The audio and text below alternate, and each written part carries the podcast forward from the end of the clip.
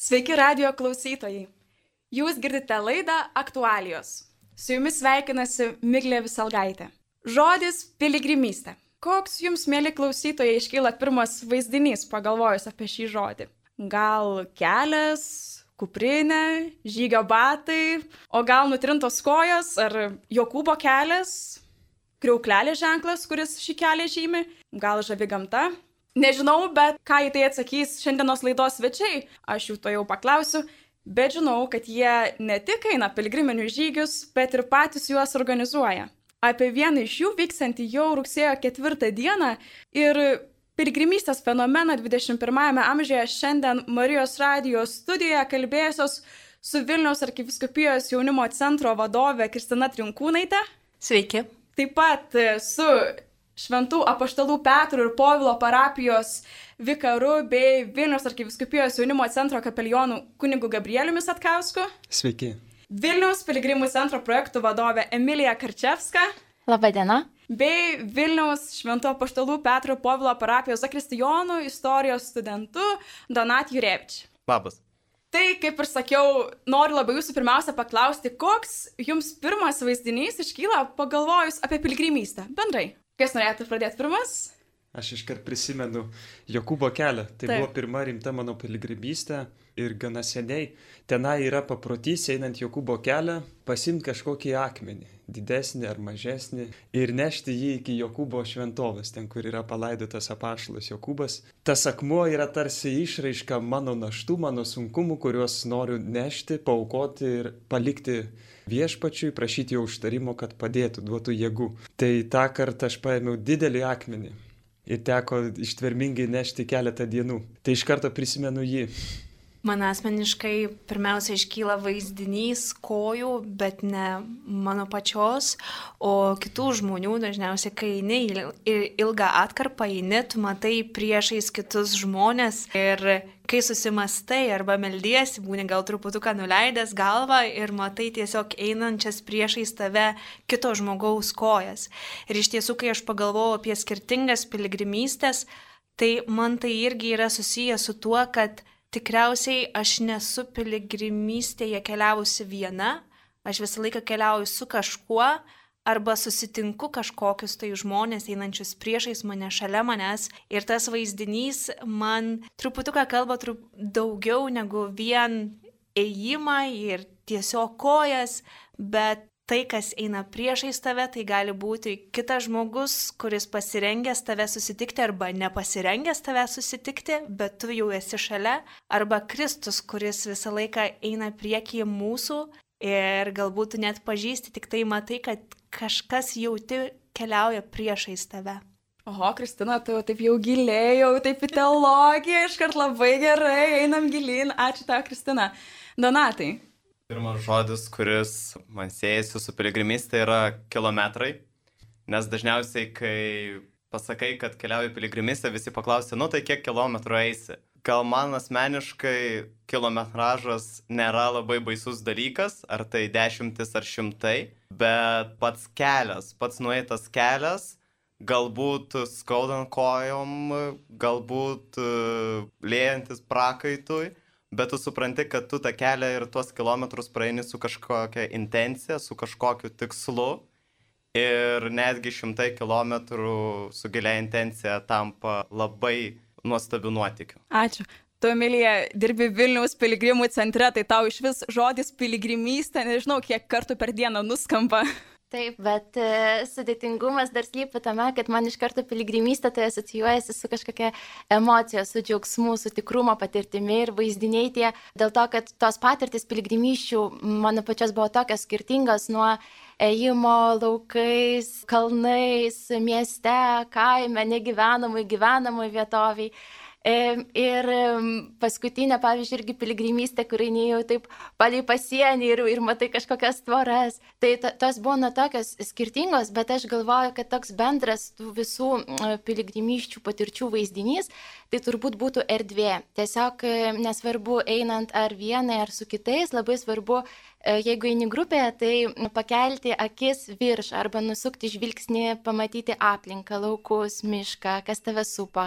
Jeigu eini ir kažkur yra atokvėpio poilsio momentas, tai irgi pamatyti tą erdvę. Man yra labai svarbu ta, tas horizontas. Tarsi ta pati piligrimystė, jinai tave išveda į kitą aplinką ir jeigu ta erdvė yra tokia, tu randi joje save, tu kitaip turi save atpažinti toje erdvėje ir galbūt tai ne tik fizinė erdvė, kurią tu pakeiti, bet tai tau ir piligrimystė suteikia tokią dvasinę erdvę, galbūt kažką savyje apvalyti, galbūt kažką palikti tame piligriminėme kelyje, galbūt kažką nešti kaip kokį akmenį, o galbūt e, sukurti tą erdvę, kad kažkas ateitų per tą piligrimystę, e, kad ateitų kažkoks atpažinimas, kažkokia mintis, dvasios įkvėpimas.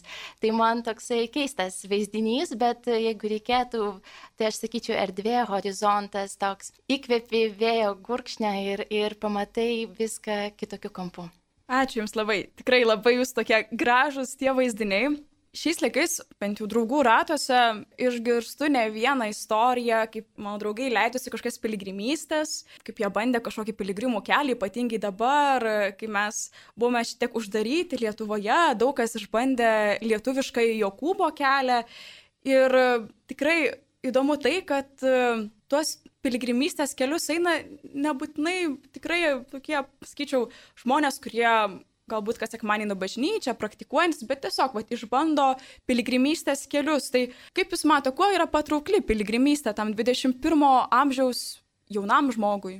Nu, aš grįžtant prie to akmens, man atrodo, daugelis šiandien lekiančių, bėgančių žmonių ir tos įtampos, kiek daug, ypač dabartiniam kontekste, patenka į tą Sizifo mitą vis ridena, ridena savo naštas į tą kalną ir žiūri, kad tas niekad nesibaigia, vis iš naujo. Tai piligrimystė, aš tokią patirtį turiu asmeninę, jinai išlaisvina iš to nuolatinio bėgimo, lėkimo, jinai padeda visiškai atitrūkti, pažvelgti šono į savo veiklas, darbus, prioritetus, troškimus atpažinti vidinius. Tai leidžia išgyventi tylą, susitikti save toj tyloje, išgirsti Dievą Piligrimystė tai proga netgi daryti rimtus sprendimus gyvenime arba ieškoti atsakymų sudėtingus klausimus. Piligrimystė tai galimybė atsigauti, atsigaivinti, nes mūsų jūslės vaizduotė kartais taip įsitempia ir pavarksta, kad mes ieškom, kaip ją atpalaiduoti ir piligrimystė, tas nuolatinis ėjimas, grožėjimasis gamta, buvimas tokiam atviram, priimti tai, kas man šiandien laukia, tai gali labai perkeisti ir atgaivinti. Aš tiesiog galvoju, kad sutinku su viskuo, kas yra pasakyta, nes tai ta, ta piligrimystės patirtis labai praturtina. Bet žiūrint į žmonės, kurie galbūt, aš esu sutikusi žmonių, kurie nieko nežino apie piligrimystę. Ir kai pasakai žodį piligrimystė, o kas tai yra? Tai yra labai įdomu, nes atrodo, kai populiarėja tie piligriminiai keliai ir ne tik pasaulyje, bet ir Lietuvoje, na tikrai jie turėtų bent kaž, su kažkokia asociacija. Tai kai pabandai papasakoti, tai kas tai yra, ir kodėl verta galbūt pakviesti arba leistis arba ieškoti kažkokios piligrimystės galimybės. Tiesiog turbūt tai yra tokia patirtis, į kurią gali visą save kažkaip išgyventi naujai. Kad visas tai yra labai įdomu, nes atrodo, kad mes e, kartais leidžiamės į gilius apmąstymus, į gilius pokalbius arba tikėjimą suprantame kaip maldų sakymą, meldimasi, bet piligrimystė tiesiog meldiesi visų savimi, pasisveikinę su kitu žmogumi žavėdamasis tave supančia gamta. Net eidamas, kai piligrimystės metu, kodėl piligrimystė skiriasi nuo, nuo pasivaikščiojimo, neždamas tą intenciją ir su kiekvienu žingsniu net kartais tiesiog apie ją nemastydamas, bet tu jau ir taip pat tai yra maldos išraiška. Ir aš esu šiais metais vasarą sutikusi tokį e, žmogų, prancūzą Emanuelį, kuris e, devynis mėnesius jau yra savo piligriminėme kelyje. Oho. Ir jisai tiesiog atrodo, kai žmogus leidžiasi į tokį gyvenimo kelionę, tai klausia, tai kas tave veda, kodėl tu leidėsi, tai kaip tu supranti. Ir jo tas piligrimystės tikslas yra platesnis negu pasiekti tam tikrą šventovę, atkarpą, nueiti tam tikrus kilometrus. Ir jisai sako, kad jisai tiesiog nori tą laiką, kurio jis jau nebesuskaičiuoja dienų, jis nežino, kokia, kokia yra savaitės diena ar mėnesio diena, nes tiesiog žmogus gyvena jau kitoj, kitoj aplinkoje ir kitaip matuoja laiką, bet jisai sako, kad jeigu jisai susitinka žmogų ir uh, mato, kad žmogui reikia pokalbio, jisai su juo būna. Ir sako, ir jeigu reikia, aš praleidžiu tris dienas, jeigu reikia, aš praleidžiu valandą, o kartais gal žmogui reikia dešimties minučių ir aš keliauju toliau. Ir taip jisai tiesiog dalindamasis ir kalbindamas žmogų ir kartu, kadangi jis tikintis krikščionis yra sakydamas, e, pasakodamas apie Dievą, sakydamas apie maldą, sakydamas, kad aš už jūs melsiuosi, o jūs melskitės už mane, tai yra ir tikras tikėjimo liudijimas ir tai visas tas laikas yra įprasminamas ir ta malda yra tiesiog kitokios formos. Per susitikimą, per įėjimą, per aplinkos išgyvenimą, per savęs kitokio patirtį. Emilija, tu kasdien matyt, tikrai e, dažnai sustinki pati tos piligrimus, kurie ateina į, į piligrimų centrą, tu apie vieną va tokį va žmogų papasakai, bet ko ieško ateinantis į piligrimų centrą žmonės, piligrimai ar nežinau, turistai ir ką jūs kaip piligrimų centras pasiūlote, kokie tie būna irgi jūsų pokalbiai. Žmonės iš tikrųjų yra labai skirtingi. Tai žmonės kartais nelabai žinodami, kas tas piligrimų centras yra, jie tiesiog ieško kažkokių kelionių galimybių, pavyzdžiui, kelionių krypčių. Jie nori kažką aplankyti, kažką pamatyti. Būna ateina žmonės, kurie nori nuvykti į kažkokią tai uh, konkrečią šventovę, atlaidus ir jie kreipiasi ieškodami informacijos nuo to, kaip aplankyti Šiluvą arba kaip nuskristi į Šventąją Žemę ir kur jie galėtų dėl to kreiptis. Mes kaip piligrimų centras centras, mes jiems e, tiesiog e, suteikiame informaciją arba padedame suorganizuoti savo piligrimystę, jeigu jie nori į tokią leistis.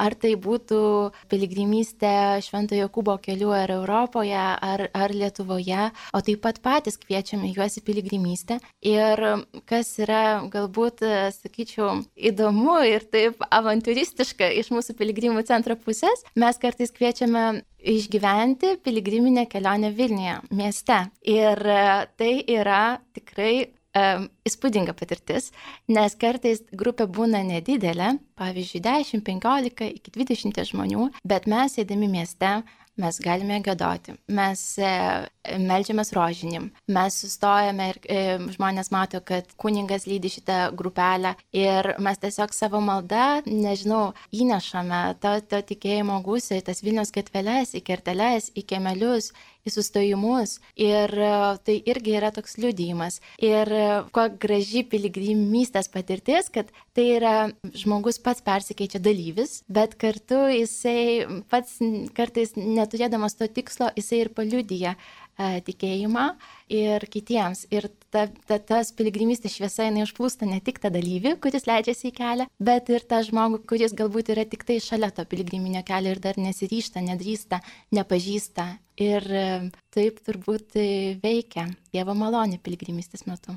Aš klausau ir man toks sudaro vaizdas, kad iš tiesų ir tos piligrimystės jos yra tokios įvairios ir tie piligrimai yra tokie skirtingi ir kad net, net negali atrodo kažkaip vienu sakiniu net apibriežti iš tų dalykų. Bet dar apie piligrimus ir turistus. Gabrieliau Donatai, jūs darbuojatės tokioje vienoje iš, sakyčiau, populiariausių parapijų, kurioje tikrai jūs sulaukėte ir daug turistų, daug lankytojų, be abejo, ir pačių parapiečių, tai yra Vilnių Švento Paštalo Petro Povilo parapija. Turistų daug, tikrai dažnai man tenka, aš kadangi ten netoliesi gyvenu, tikrai matau nemažai autobusų prie jūsų bažnyčios, bet ar būna piligrimų ir šiaip man įdomu išgirsti iš jūsų, kaip jūs manote, kuo piligrimas skiriasi nuo turisto? Vilniaus Petro ir Povilo bažnyčia yra viena populiariausia ir turbūt tiek turistai, tiek piligrimai atvykstantis į Vilnių, bet kuriuo atveju užsuks į šitą bažnyčią. Ir jeigu turistas atvažiuoja dažniausiai pasižiūrėti gražios architektūros, gražių vietų, žinomų vietų aplankyti, tai iš tikrųjų piligrimai daro lygiai tą patį, bet dar kartais atsiklaupia prie švenčiausio sakramento, pavyzdžiui, bažnyčiai. Ir iš to labai yra lengva pažinti piligrimą ir turistą. Nes turistas dažnai gali tiesiog praeiti, nepastebėti tokių detalių, kokio nors paveikslo arba švenčiausio sakramento, praeiti su fotoaparatu ir nueiti. Jam tai bus irgi išgyvenimas, nes tai yra graži vieta, kurią jis norėjo atvykti.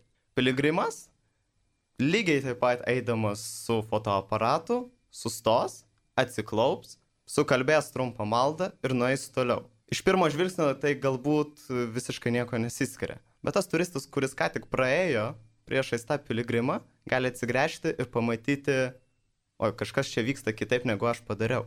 Tai piligrimas, turistas, čia galima brūkšnį tikrai statyti, yra savotiškas tikėjimo liudytojas. Kad ir turistinėse kelionėse, vykstant autobusu su grupe, tu gali liudyti savo tikėjimą. Iš tiesų, turistus mes krikščionis bandom evangelizuoti, paskelbti jiem evangeliją, o piligrimus sustiprinti jų tikėjimą. Tai iš tiesų yra ypatinga bažnyčia, parapija, nes didelis rautas yra lankytojų, tiek piligrimų, tiek turistų. Tai mes labai misionieriauti nespėjame. Pavyzdžiui, būna tokių situacijų įdomių, ten zakristijai priminėjai žmonės dėl kokių tai sakramentų ir taip netikėtai užeina turistas, iš niekur niekur išvalgosi zakristijoje. Tai būna keisti.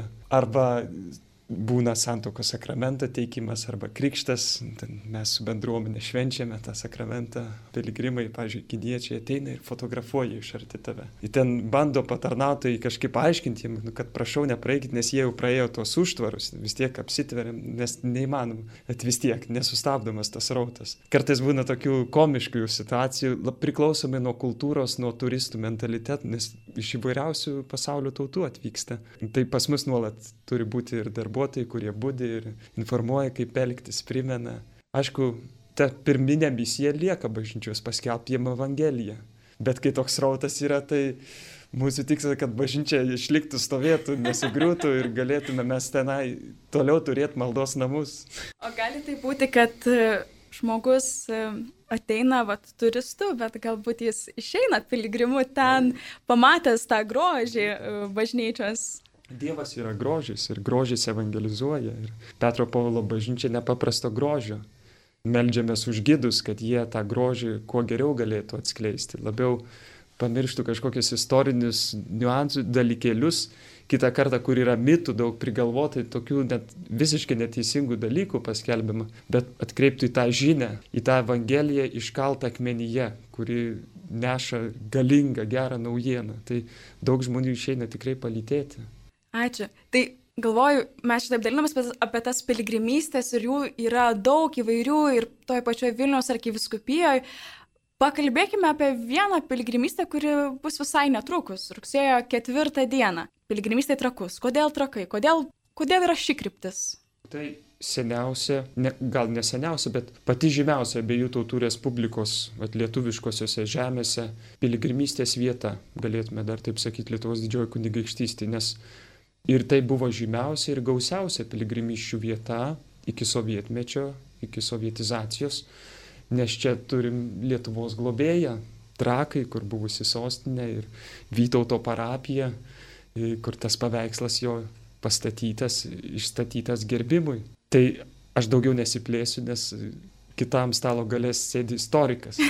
Būtų labai įdomu išgirsti jo nuomonę. Ir... Aš Tas iš tikrųjų yra tiesa, kad Vytauto statyta bažnyčia trakuose yra viena seniausių šventovių ir kulto vietų, ne tik Lietuvoje, bet ir mūsų regione. Ir tenai kabantis Marijos paveikslas yra vienintelis paveikslas turintis Lietuvos globėjos titulą. Tai iškart tai jau parodo svarbą to paveikslo bažnyčios gyvenime ir tarsi pats jau sugeruoja, kad mes turime čia atvykti, nes tai yra pagrindinė, tai yra Lietuvos globėja. Ir tos piligrimystės vyko visada, ir galima taip pasakyti, visose sluoksniuose, pradedant kunigaikščiais, karaliais, viskupais, kardinolais ir ne tik mūsų vietiniais, bet ir taip pat iš kitų Europos valstybių. Ir iki mažiausių paprastų žmonių, valstiečių, miestiečių, kurie tiesiog turėdami kažkokias intencijas ir turėdami galbūt kažkokias problemas atvykdavo į, į, į tą šventovę ir melsdavosi prie Marijos, kuri iš tikrųjų Lietuvoje visada bu, buvo turbūt svarbiausia ir kartais netgi istorija yra jokaujama, kad kartais Marija Lietuvoje užtemdo savo sūnų Jėzų ir kad mes labiau melžiamės Mariją ir labiau tarsi ją mylim, o Jėzų prisiminam tik priimant komuniją per šventas mišes. Ir netgi istorijoje ir žinoma, kad klebonai trakų rašydavo, kad e, reikėdavo piligrimams atvykstantiems priminti, kad, klausykit, čia dar Jėzus yra ne tik Marija, nes labai mylėjo ir myli iki šiol ir mes turime įrodymą mūsų žygiai trakus, kad ta meilė trakų Lietuvos globėjai išlieka iki šiandien. Su jumis Marijos radijas. Amen.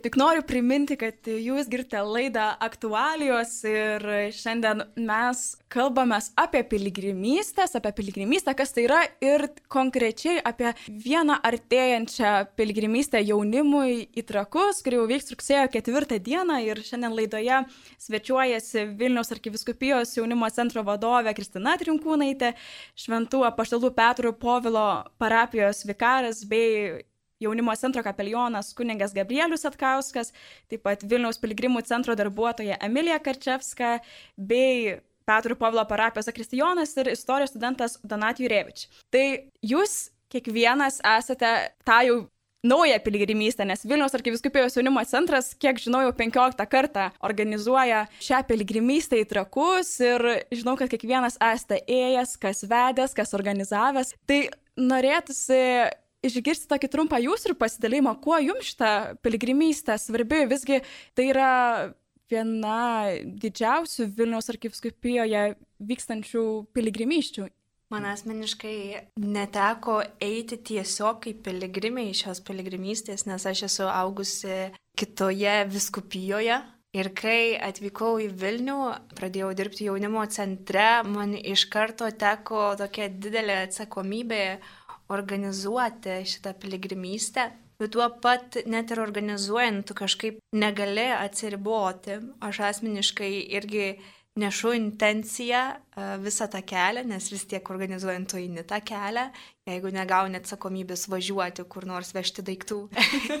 tai eini irgi tą kelią, meldiesi su visais e, kartu ir bent jau mano intencija dažniausiai būna už tuos žmonės, kurie eina. Ir gera melstis už tuos, kurių galbūt net nepažįsti, matai pirmą kartą, e, už visą tą minę žmonių, kurie taip pat pasitikėdama, galbūt vieni tiesiog leidžiasi į avantūrą, kiti jau supranta, kur keliauja, išeina, neždamiesi savo širdyje kažką ypatingą, tai, ką nori patikėti viešpačiui. Tai man asmeniškai kaip organizatoriai, vad pradėjus tokie piligrimystės organizatoriai, bet tuo pačiu pačiai kaip piligrimiai, nešti visus, kurie susirenka jų intencijas ir juos pačius. Ir kitas momentas, kuris be abejonės yra labai labai stiprus man asmeniškai, Tai yra būtent matyti tuos visus jaunus žmonės, susirinkusius tiesiog kartu eiti, maldingai keliauti link trakų, kurie sugeba ir būti tyloje, kurie sugeba ir šaukti, gėdoti, po to vakare šokti, net netrodo, kad būtų nuėję 30 kelias kilometrus, atrodo, lyg ką tik būtų susirinkę ir dar pilni jėgų.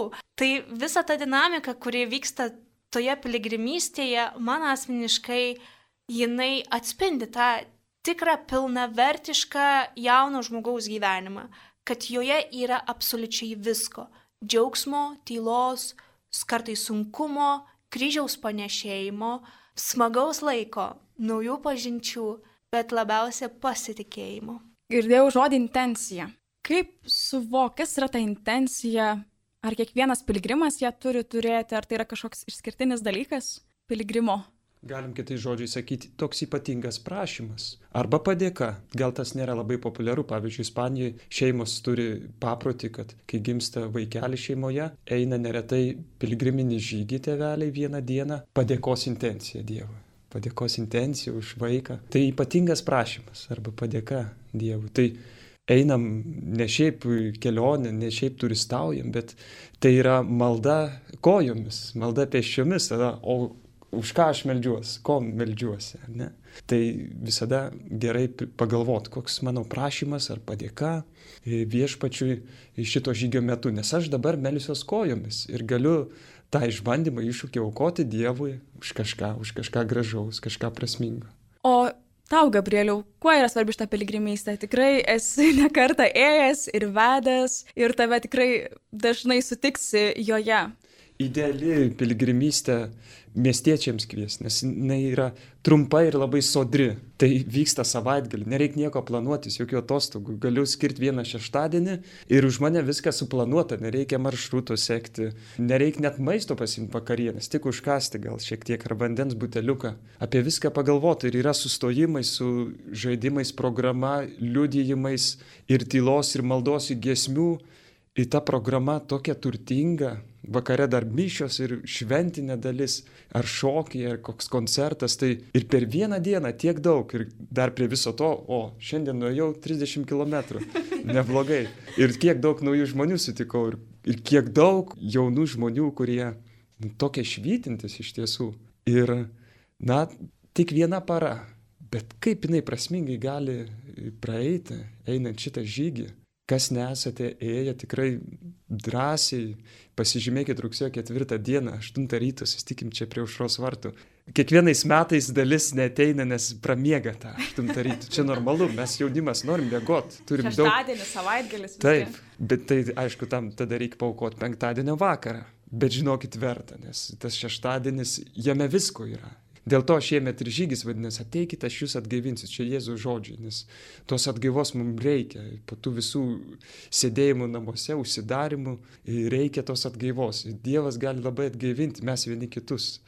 Tai vienos dienos tas sodrus, trumpas žygis ir gilus gali duoti tiek daug. Verta, ateikit.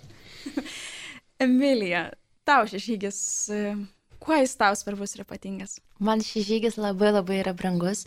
Aš e, dabar kraustausi ir tvarkydama savo daiktus, aš radau tiek daug žygio knygelių, nes kokius šeši, šešis, septynis kartus esu ėjusi ir ten tiesiog tik skiriasi metai, žygio šūkis ir, ir dainos jau atsikartoja giesmės.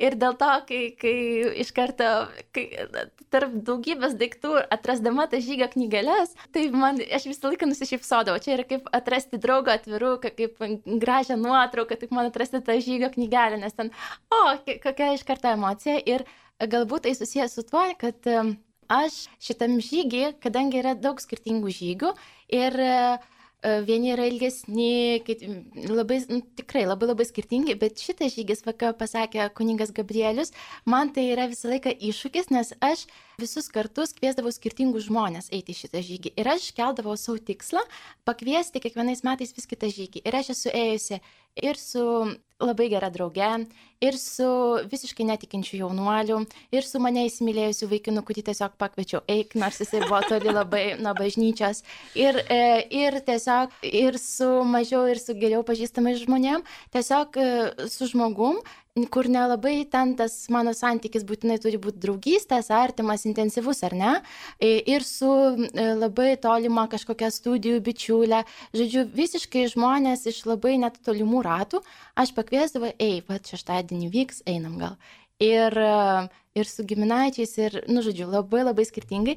Ir man dėl to tas žygis kiekvienais metais, o su kuo aš eisiu šiais metais, o kam man nusisti tą savo kvietimą, o iš kur čia man surasti tą žmogų. Ir man yra labai smagu, nes aš Įvat išnaudojau tą progą, visiškai tą, ką sako kuningas Gabrielius, kad kadangi tai yra labai sudry patirtis. Jeigu tu nori, ten yra galimybė, laisvas laikas, eik prie mikrofono ir pasakok. Jeigu tu nori, gali pasislėpti toje minioje, jeigu tau yra per daug sudėtinga.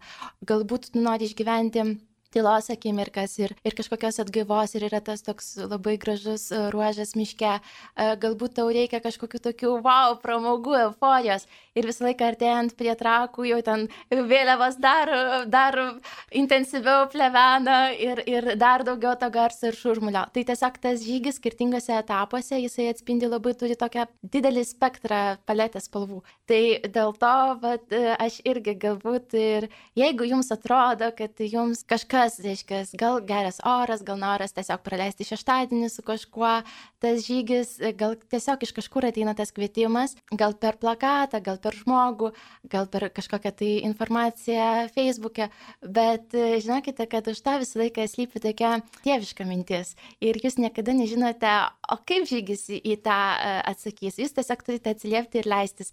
Ir labai trumpas liūdėjimas, kad, e, bet negaliu nepasidalinti. Tai būtinai, būtinai. Nes, bet ne, ne mano asmeninis, bet, Taip. žodžiu, atrodo, prieš dviejus metus tą žygį ėjo tokia kompanija moterų, merginų ir vienas iš jų buvo lab, daugiau tikinčios, o kita prisijungė tiesiog eiti, nu, vat su kompanija. Jei virš 30 metų tai buvo moteris, kažkada jaunystėje ten dalyvavusi visokiose mergaičių paauglių stovyklose, o paskui labai nutolusi, atitolusi, nieko su tokiu religiniu gyvenimu neturėjusi daug bendro. Ir jinai nuėjo tą visą žygį, jai buvo aišku keista, ir čia daug tų dainų, ir daug to šurmulio, ir dar toks samišys, ir čia skirtingom kalbom, lietuviškai, lenkiškai, ką man čia to reikėjo. Jinai ėjo visą kelią tokia šiek tiek bumbėdama, užduodama klausimus, ką jinai apskaitai čia veikia, kodėl jinai prisijungia prie tų draugų ir panašiai. Ir kai buvo ta vakaro programa, kur atrodo jau wow, ir čia visi turi dalyvauti, jinai buvo tokia susikrimtusi, ta diena buvo tokia keista ir jinai nedalyvavo vakaro programoje, jinai grįžo į Trakų baziliką adoracijai, nes ten buvo, reiškia, vyko naktinė adoracija ir tos adoracijos metu jinai pajuto tokį didelį poreikį nueiti iš pažinties, nors virš dešimties metų turbūt nėra buvusi, jau buvo pamiršusi, kaip kaip apskaitai eiti, jinai tiesiog pajuto tą Dievo prisilietimą, tą Jėzus kvietimą, jinai jį atpažino. Ir ta piligrimystė pakeitė jos gyvenimą. Jinai tiesiog, jinai atsivertė, dabar jinai tiesiog tai pakeitė jos gyvenimą, jinai grįžo į savo šalį, iš kurios buvo kilusi, tapo labai uoli ir, ir tai buvo tokia labai stiprus išgyvenimas. Tai jūs niekada nežinote, kada ateis tas momentas. Galbūt jau piligrimystės pabaigoje, galbūt net ne visoje toje programoje, bet jis tikrai ateis. Ačiū tau labai, Emilija, labai gražus pasidalėjimas. Donatai, tu žinok, kad esi ir savanoriavęs, ir ėjęs. Kuo tau piligrimystė yra brangi? Man labai patiko Emilijos žodžiai, kad tu niekada šitam žygiai nežinai, kada kas nutiks, bet tai nuti tikrai nutiks. Ir e, man, žmogui, kuris tiesiog mėgsta vaikščioti pešiom, piligriminis žygis buvo dar viena galimybė praseiti pešiom. Kažkaip e, čia buvo pirmas žygis, man gal prieš keturis metus. Tiesiog ėjau kaip tiesiog dalyvis, ėjau vienas, tiesiog kažkaip parapijoje niekas sako, ai čia tinkim 30 km eiti, kažkaip. Aš atėjau, atėjau ryte, ėjau vienas, kažkaip buvo liūdna, nes, nu, tarsi, tarsi viskas yra faina, bet kažkaip liūdėsis, kad tu eini nu, realiai vienas, nors ir minioji.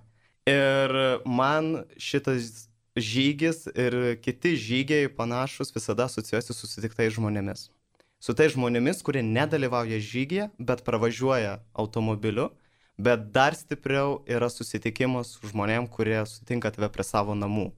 Išeina iš namų arba mojoja tau pro langą, pažiūrėjau, užeinant į miestą, pažiūrėjau, lent, lentvarį mes pradedam gendos žmonės išgirsti, išeina į balkonus, atsidaro langus, kas čia vyksta, buvo ramų miestelį ir čia šeštadienį po piet čia atdunda didelė minė šlovinantį Dievą. Vienam iš tokių kaimų prie namų išėjo sena, sena tokia mučiutė. Ir aš kažkaip ėjau šonę ir ji mane pasigavo už rankos, ištraukė iš tos minios. Aš, aišku, šokę galvoju, kas čia vyksta. Ir ji man padu, padavė kažkokių žolių, e, gėlių plokštę ir pasakė, aš kasdien pasirenku vieną žmogų iš tos minios, aš pati negaliu nueiti, bet nuneškite į trakus pas Dievo motiną šitą gėlių plokštę. Tai kas metų, žodžiu, susigauna vieną žmogų ir, ir, ir niekas, jam puokštę, ir niekas, ne? jo, ir nie, ji, ji, ji tau pasakė, niekas niekada nežino, kas tas yra žmogus. Aš bandžiau po to vėliau ir būdamas irgi savanoriu, kai tu savanoris bėgioji iš, iš priekio į galą, ten, nes reikia kaž, kažką susirasti, kažką padaryti, ne kartą ne, man nepavyko pagauti to žmogaus, kuris neša tą puokštę. Bet aš tikiu, kad kasmet yra tas žmogus tikrai. Ir tiesiog jie pasako, kur nors padėkit. Ar tai bažnyčioj, ar tai kažkur prie sienos. E, nes aš pati negaliu nueiti. Ir tuo momentu tu supranti, kad netgi eidamas vienas, tu neini vienas. Be to aišku, kad su tavimi eina Kristus kartu visada, bet va tu neždamas tą poštą supranti, kad ta mačiutė irgi eina su tavim. Nors tu praeini tuos 30 kelis kilometrus, ji kartu praeina. Tai netgi jeigu jūs ateisite, turite galimybę gauti plokštę ir, ir nunešti, arba galbūt jūs sutiksite žmogų, kuris irgi eis vienas ir jūs tada kartu nužygiuosite 30 km, galbūt tapsite geriausiais draugais visam gyvenimui. Arba kaip kunigas Gabrielius įsidėti akmenį galima, ne? irgi geras draugas. Tai jeigu dar matyt laidos pradžioje kažkas svarstė apie šitą žygį, tai man atrodo jau pasiklaus iš tos laidos, tai jau tikrai ieškos vietos, kur galima užsiregistruoti, kokia bus programa, kur gau daugiau informacijos. Tai gal šiek tiek Kristina, galėtum trumpai pasidalinti, kokia ta bus žygio programa ir ko tikėtis dalyviams, kurie norėtų prisijungti. Tai kiekvienais metais e, šis žygis turi savo temą, kuri būna pasirinkta ne šiaip savo. E, kaip jau kuningas Gabrielius paminėjo, e, šių metų tema Ateikite, aš jūs atgaivinsiu. Iš tiesų, kai svarstėme su komanda ir maldoj nešėme, kogi reikia mums šiandien ir peržvelgė visus praėjusius metus, kurie buvo gan didelis iššūkis visiems, man atrodo, gal sunkiau rasti, kam nebuvo tie metai iššūkis. Ir tuo pat ir jauniems žmonėms tai buvo didelis iššūkis. Mums norėtųsi kažkokios atgaivos, tarsi išbėgome iš savo namelių, galime eiti į lauką, susitikti, bet tuo pat kyla klausimas, ar tikrai mes esame atsigaivinę, ar tikrai mes esame gyvi šiandieną ir pasiruošę susitikti naujus iššūkius, kurie ateina ateinančiais metais, nežinome kokie jie bus, bet visko gali būti. Ir iš tiesų Kristus yra tas, kuris nepanaikina kryžiaus, bet mums padeda jį nešti ir duoda visą, kad mes būtume atsigaivinę ir, ir, ir galėtume keliauti džiaugsmingai, nepaisant visko. Tai iš tiesų, išpildant šią temą, irgi stengiamės parinkti atitinkamas e, e, programos dalis. Tai mes susitiksime 8 val. būtent registracijoje ir labai prašytume visų piligrimų, kurie ketinate keliauti, kad ir paskutinę dieną sugalvosite, bet užsiregistruoti. Jūs taip mums organizatoriams labai palengvinsite visą organizavimo procesą. Kur galite rasti registracijos anketą, tai tiek mūsų Facebook paskyroje, ten yra sukurtas atskiras žygio įvykis, taip pat mūsų internetinėje svetainėje vaits.lt ir rasite tenais visą tolimesnę informaciją. Taigi iškeliausime nuo užros vartų link Lentvario, kur turėsime pietus. Pietus reikėtų iš tiesų pasiimti savo kažką į kuprinėlę, bet ne tik tai savo, bet labai svarbu pasiimti ir draugui, kuris galbūt vat, vos nepramiegojo ir pamiršo. Arba kuprinėje laikė akmenis ir jam netilpo sumuštinį. Būtent, būtent. Taigi labai svarbu būtų pasiimti sumuštinuką ne tik tai savo, bet ir draugui, o galbūt tai mučiutė, kuri jums duos gėlės. Gal šį kartą jūs busite tas laimingasis. Ir atvykę į Lentvarį, mes, kas, galit, kas gyvenate Lentvaryje, galite prisijungti ir nuo Lentvario. Ir toliau keliausime į Trakų baziliką, kur vyks šventosios mišios.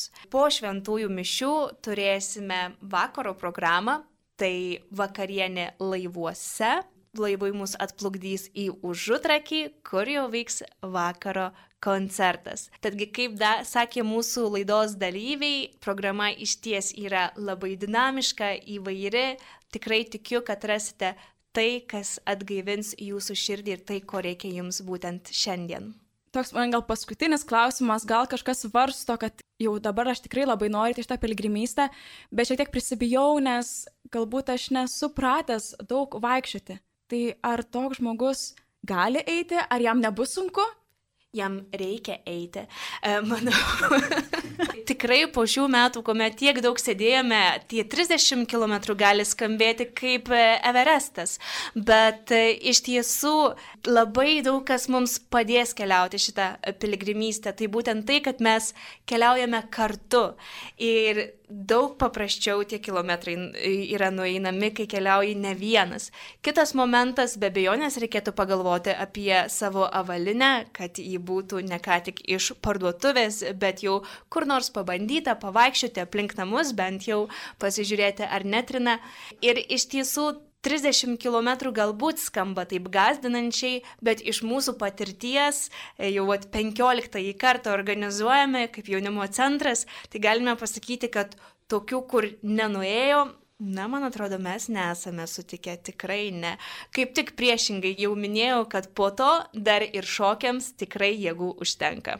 Mėlyjei, tai labai ačiū, šiandien buvo labai geras su jumis pasikalbėti ir apie piligrimystę ir šitą žygį į trakus. Ir tikrai, brangus laidos klausytojai, kviečiame jūs rugsėjo 4 kartu žygiuoti 8.30 išžygiuojam iš aušos varto, 8 val. registracija, sutikime čia ir keliausime kartu į trakus. Jūs girdėjote laidą aktualijos, šiandien laidoje dalyvavo Vilniaus arkiviskupijos jaunimo centro vadovė Kristina Trinkūnaitė, Šventuo paštalų Petro Povilo parapijos vikaras ir jaunimo centro kapelionas kuningas Gabrielius Atkauskas, Vilniaus piligrimų centro darbuotoja Emilija Karčevska bei Vilniaus Švento paštalų Petro Povilo parapijos Akistijonas, istorijos studentas Donat Jurevič. Laidą vedė Miglė Visalgaitė. Gražios dienos, sudė.